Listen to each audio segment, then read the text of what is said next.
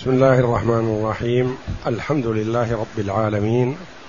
والصلاة والسلام على نبينا محمد وعلى آله وصحبه أجمعين. وبعد. بسم الله. بسم الله الرحمن الرحيم. الحمد لله رب العالمين. والصلاة والسلام على أشرف الأنبياء والمرسلين نبينا محمد وعلى آله وصحبه أجمعين.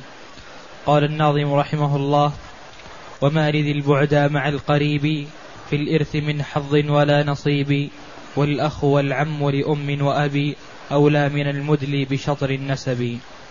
قول المؤلف رحمه الله تعالى وما لذي البعد مع القريب في الإرث من حظ ولا نصيب والأخ والعم لأم وأبي أولى من المدلي بشطر النسب.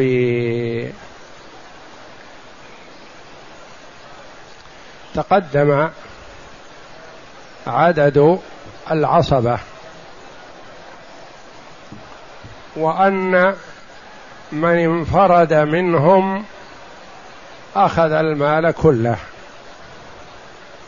إن لم يوجد صاحب فرض وإلا فيأخذ ما بقي بعد أصحاب الفروض. والآن إذا اجتمع مجموعة من العصبة من جهة أو جهات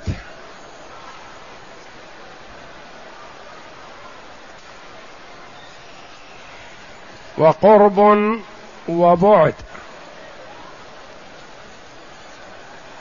وقوة وضعف. كيف هذا؟ فالتعصيب جهات. لا تأخذ الجهة الثانية مع الجهة الأولى. ولا ولا تأخذ الثالثة مع الثانية. ولا تأخذ الرابعة مع الثالثة. وهكذا.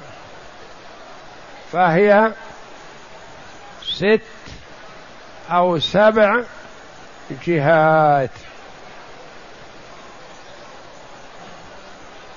وقال بعضهم خمس.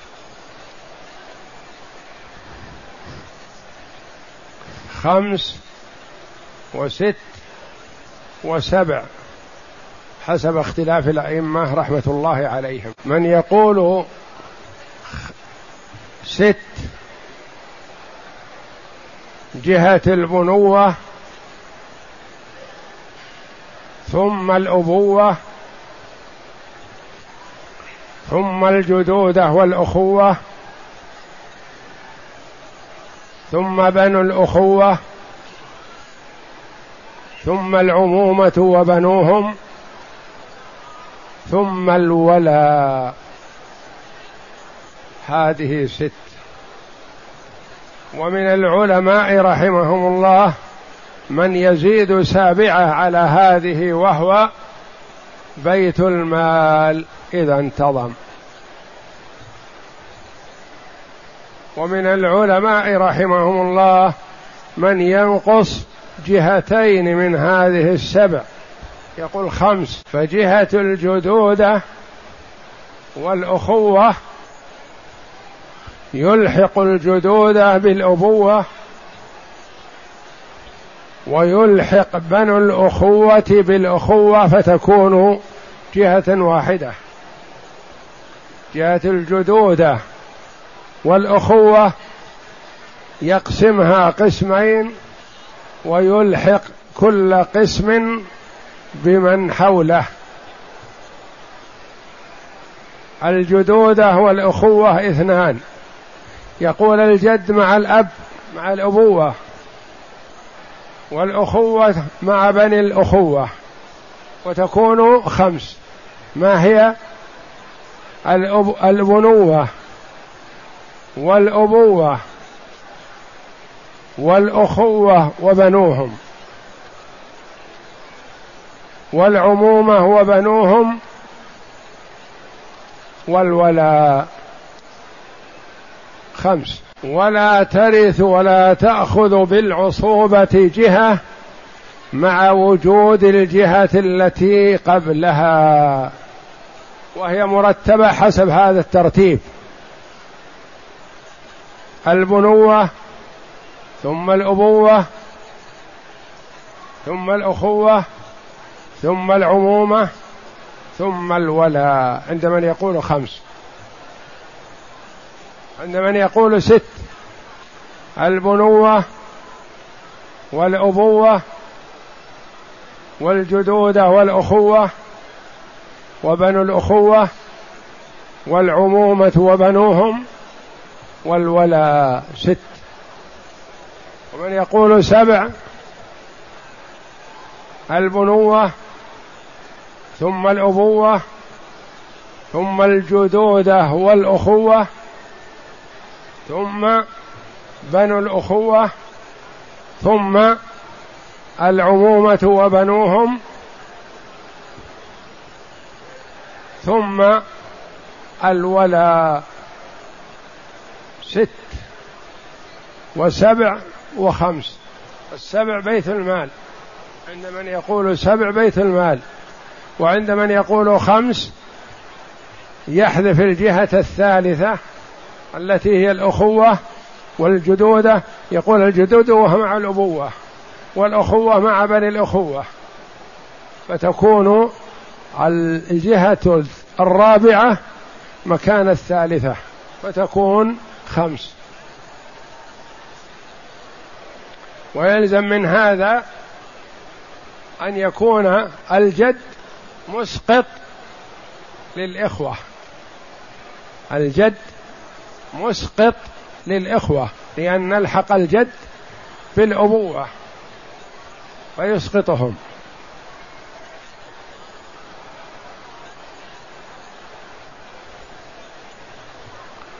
فهذه الجهات الخمس أو الست أو السبع لا ترث واحدة مع وجود التي قبلها ولهذا رتبها بثم.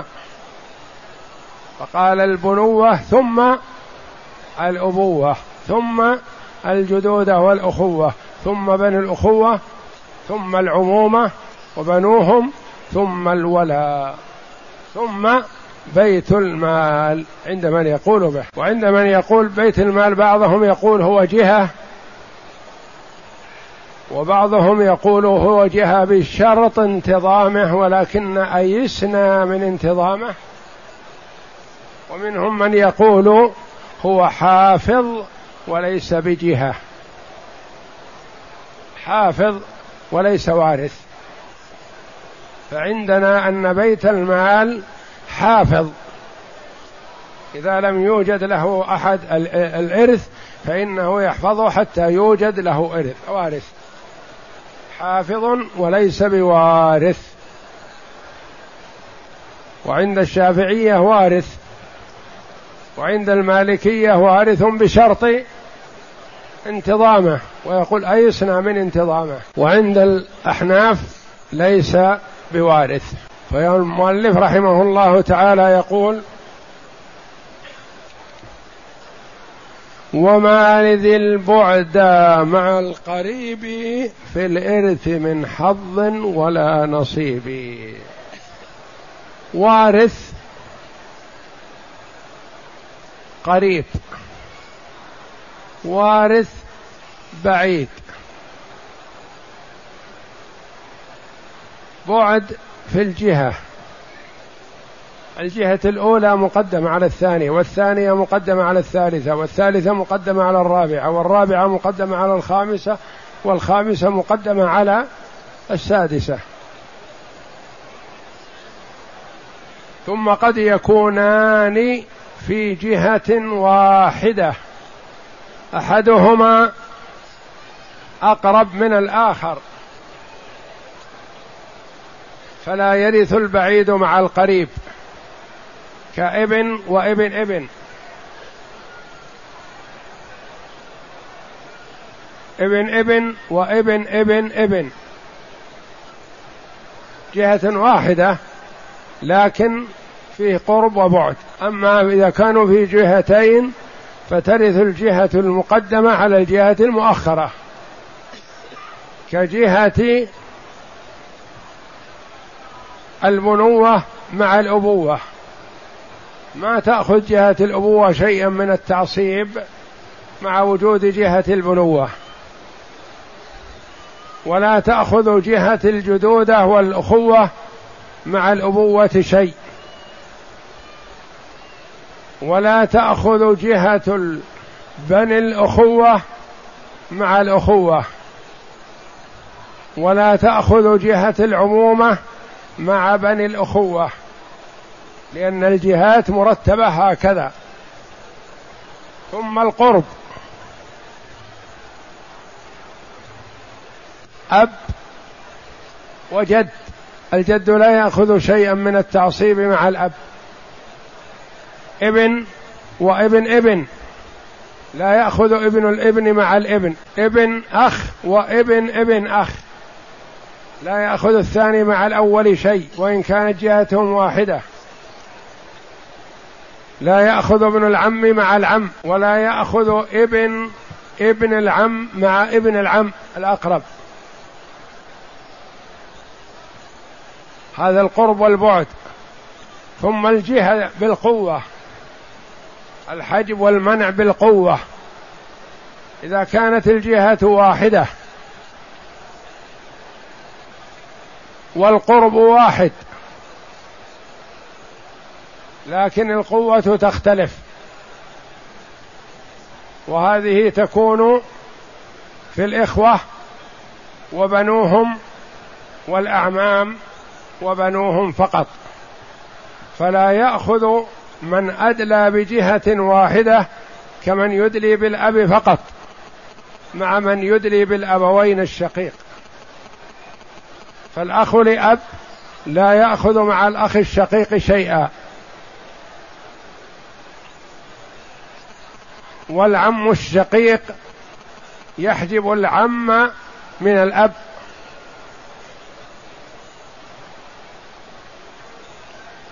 وابن الأخ لأب لا يأخذ مع ابن الأخ الشقيق شيئا.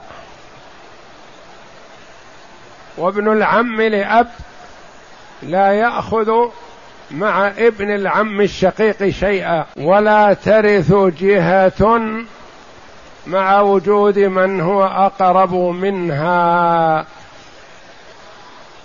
وإن كان هناك قرب.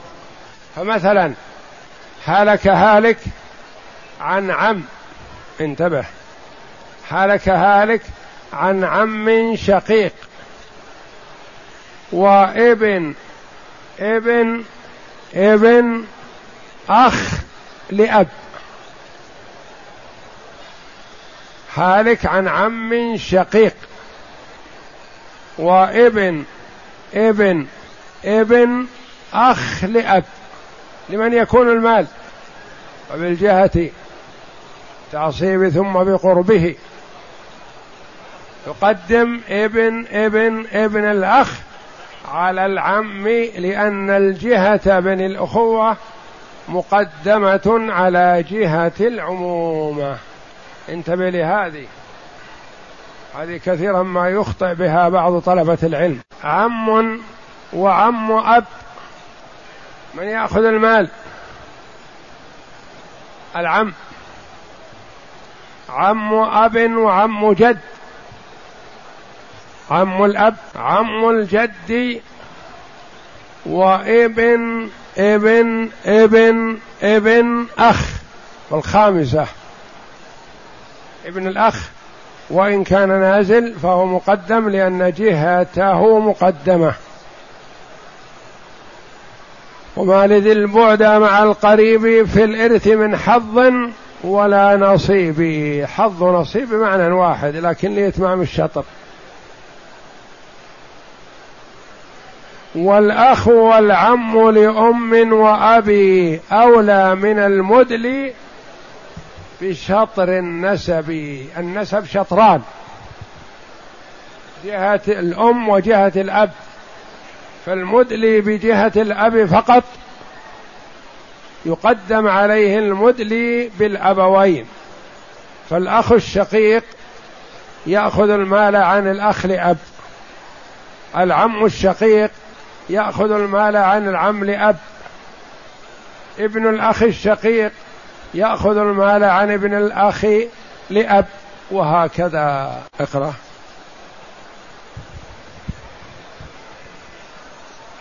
قال الشارح أقول قد تقدم أن من انفرد من العصبة حاز جميع المال أو ما أبقت أصحاب الفروض وذكر في هذين البيتين حكم ما إذا اجتمع عاصبان فأكثر من جهة واحدة. إذا اجتمع. إذا اجتمع عاصبان فأكثر من جهة واحدة. فإنه من كان بعضهم أقرب إلى الميت من بعض حجب الأقرب الأبعد. فليس للأبعد حظ من الميراث والإرث للأقرب. فالابن يحجب ابن الابن وكل ابن وكل ابن ابن يحجب من تحته من بني الابن. لقربه. يعني ابن الابن يحجب ابن ابن ابن. درجة الثالثة. ومن كان في الدرجة الثالثة يحجب ابن الابن في الدرجة الرابعة وهكذا. نعم. والأب يحجب كل جد وكل جد يحجب من فوقه من الأجداد. والأخ, والأخ يحجب ابن الأخ والعم يحجب ابن العم. وكل ابن أخ وابن عم يحجب من تحته وكل ذلك بالإجماع. هذا بالإجماع لا إشكال فيه بأن العم يحجب ابن العم والابن يحجب ابن الابن. ما يمكن أن يرث أبناء ابن مع عمهم أو أعمامهم حتى وإن كان أبوهم ميت. يظن بعض الناس مثلا أن الأبناء إذا كان أبوهم ميت فإنهم يرثون نصيبه وليس كذلك. إن وصى لهم جدهم وصية فلا بأس. ويحسن هذا إن كانوا في حاجة. وإلا إذا لم يوص لهم فلا نصيب لهم مع أعمامهم.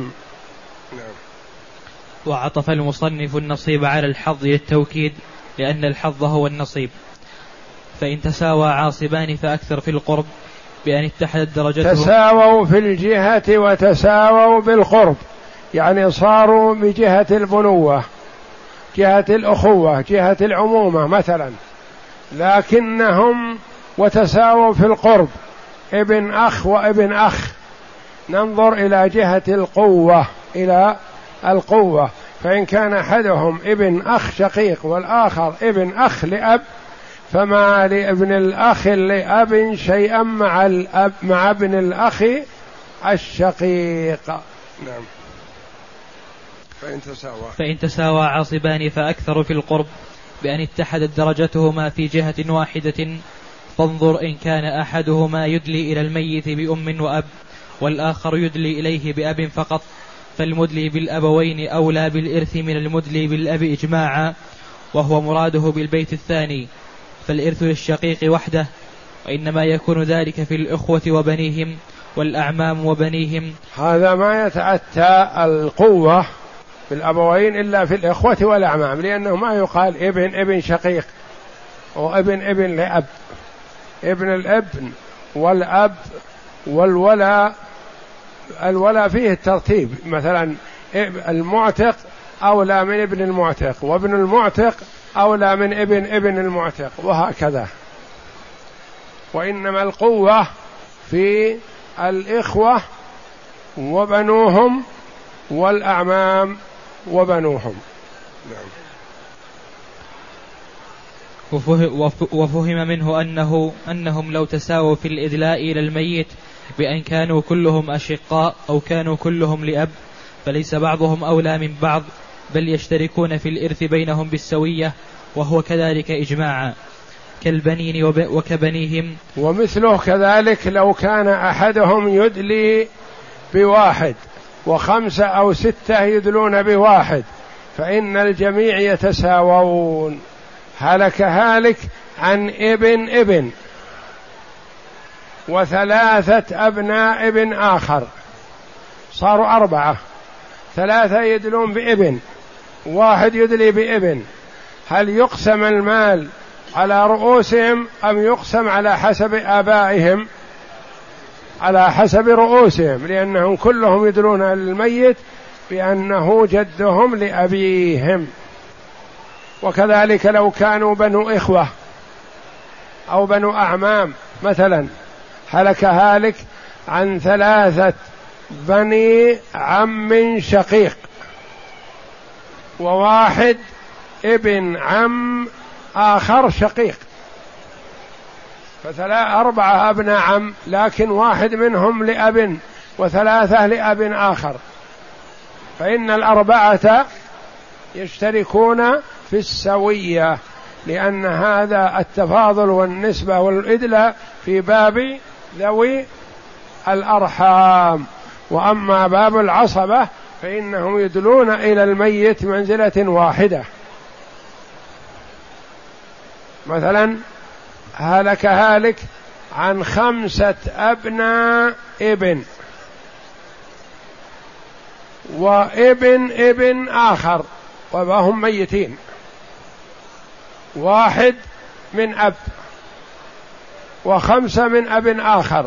صاروا ستة يدلون بجدهم. يقسم المال على عدد رؤوسهم ولا يقسم على رؤوس آبائهم لأنهم هم ورثوا من جدهم. نعم.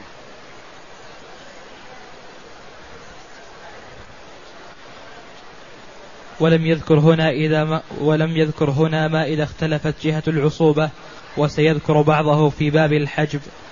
وجهات العصوبة ست البنوة ثم الأبوة ثم الجدود ثم الأخوة ثم بنو الأخوة ثم العمومة ثم الولاء. أقسم. هلك هالك عن أب وجد.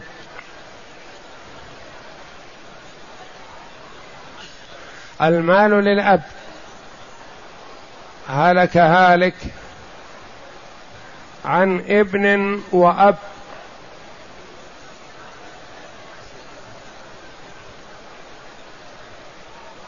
المسألة من من ستة.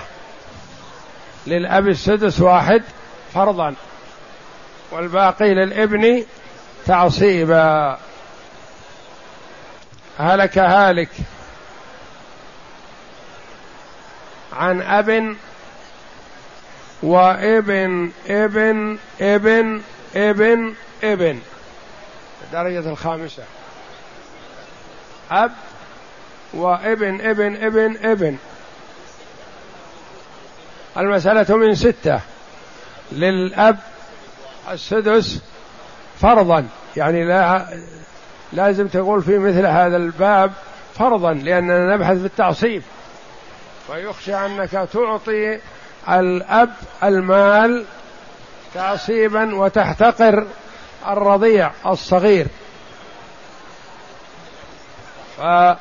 فالأب له السدس وإن صغر الإبن هذا وبعد والباقي للإبن النازل تعصيبا.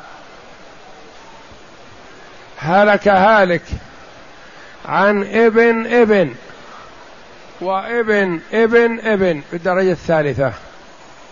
الدرجة الثانية والدرجة الثالثة. المال للأول للدرجة الثانية. هلك هالك عن ابن ابن ابن ابن ابن بالدرجة الخامسة. وأخ شقيق.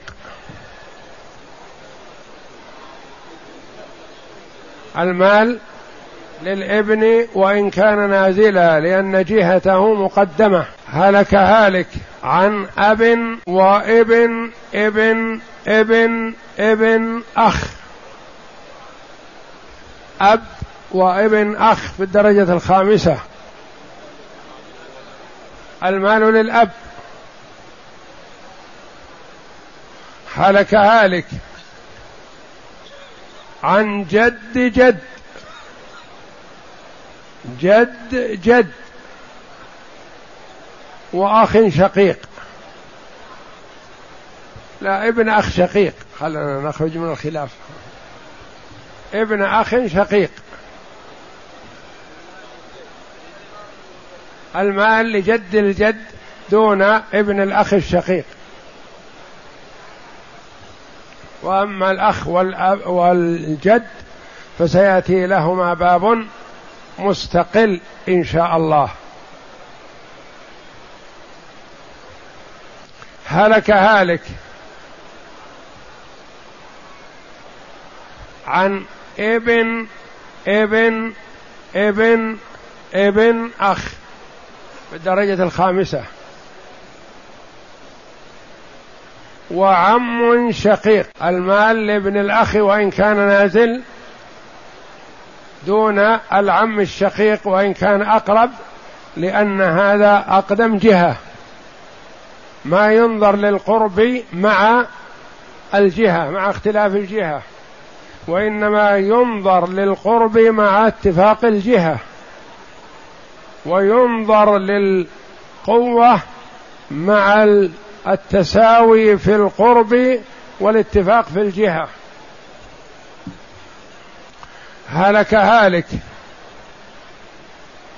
عن ابن ابن ابن ابن أخ لأب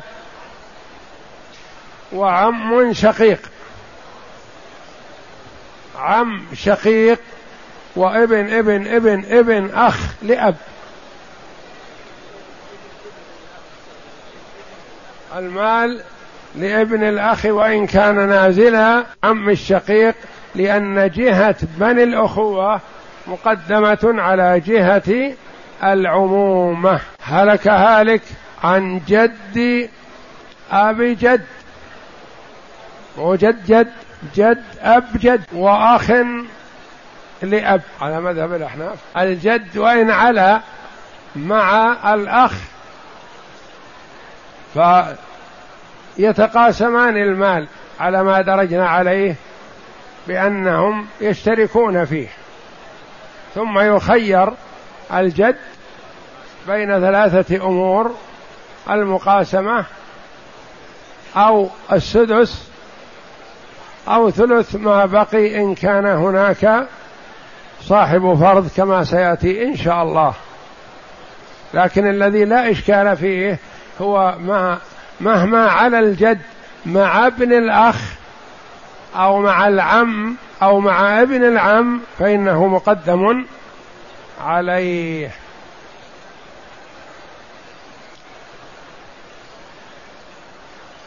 هلك هالك عن ثلاثة أبناء لثلاثة إخوة أشقاء. وابن أخ لأب. وأخ لأم. ثلاثة أبناء لثلاثة إخوة أشقاء. وابن أخ لأب. وأخ لأم.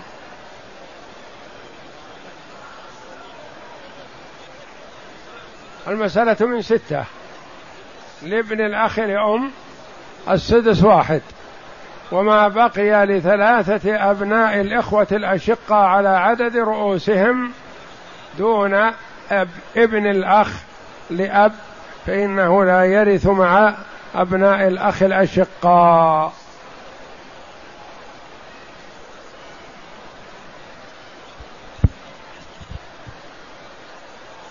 هلك هالك عن ابن ابن ابن أخ. درجة الرابعة.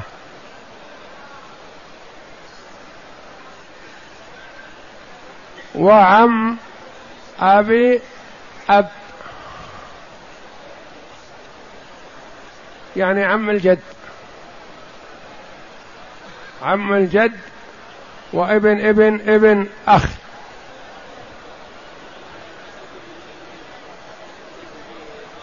المال لابن الأخ وإن كان نازل فإنه مقدم على العم قرب أو بعد.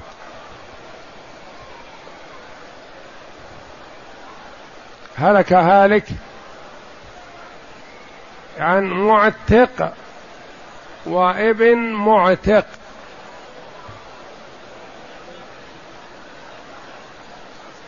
المال للمعتق. هلك هالك عن ابن معتق وابن ابن معتق وبنت معتق.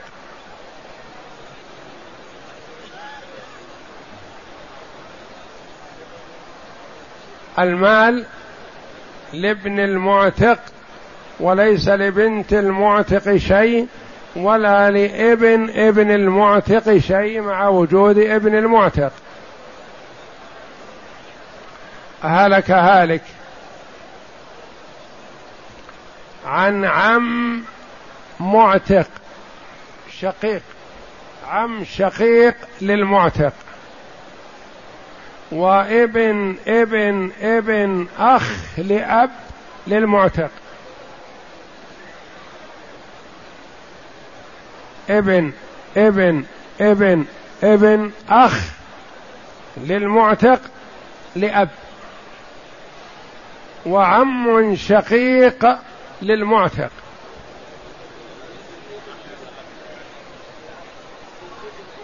لابن ابن الأخ لأن جهته مقدمة فهم في الولاء كالنسب. يقدم الأقرب والأقوى في الولاء كما يقدم في التعصيب في النسب. هلك هالك عن أخ معتق وابن معتق.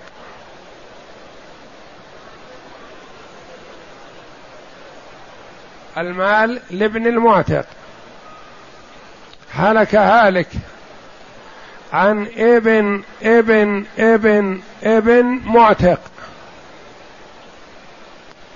وبنت معتق.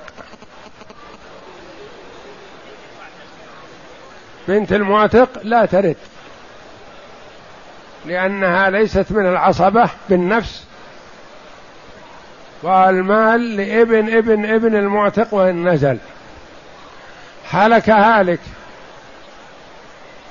عن عم عم معتق وبنت معتق. المال لعم العم وليس لبنت المعتق شيء. والله أعلم. وصلى الله وسلم وبارك على عبده ورسول نبينا محمد وعلى آله وصحبه أجمعين.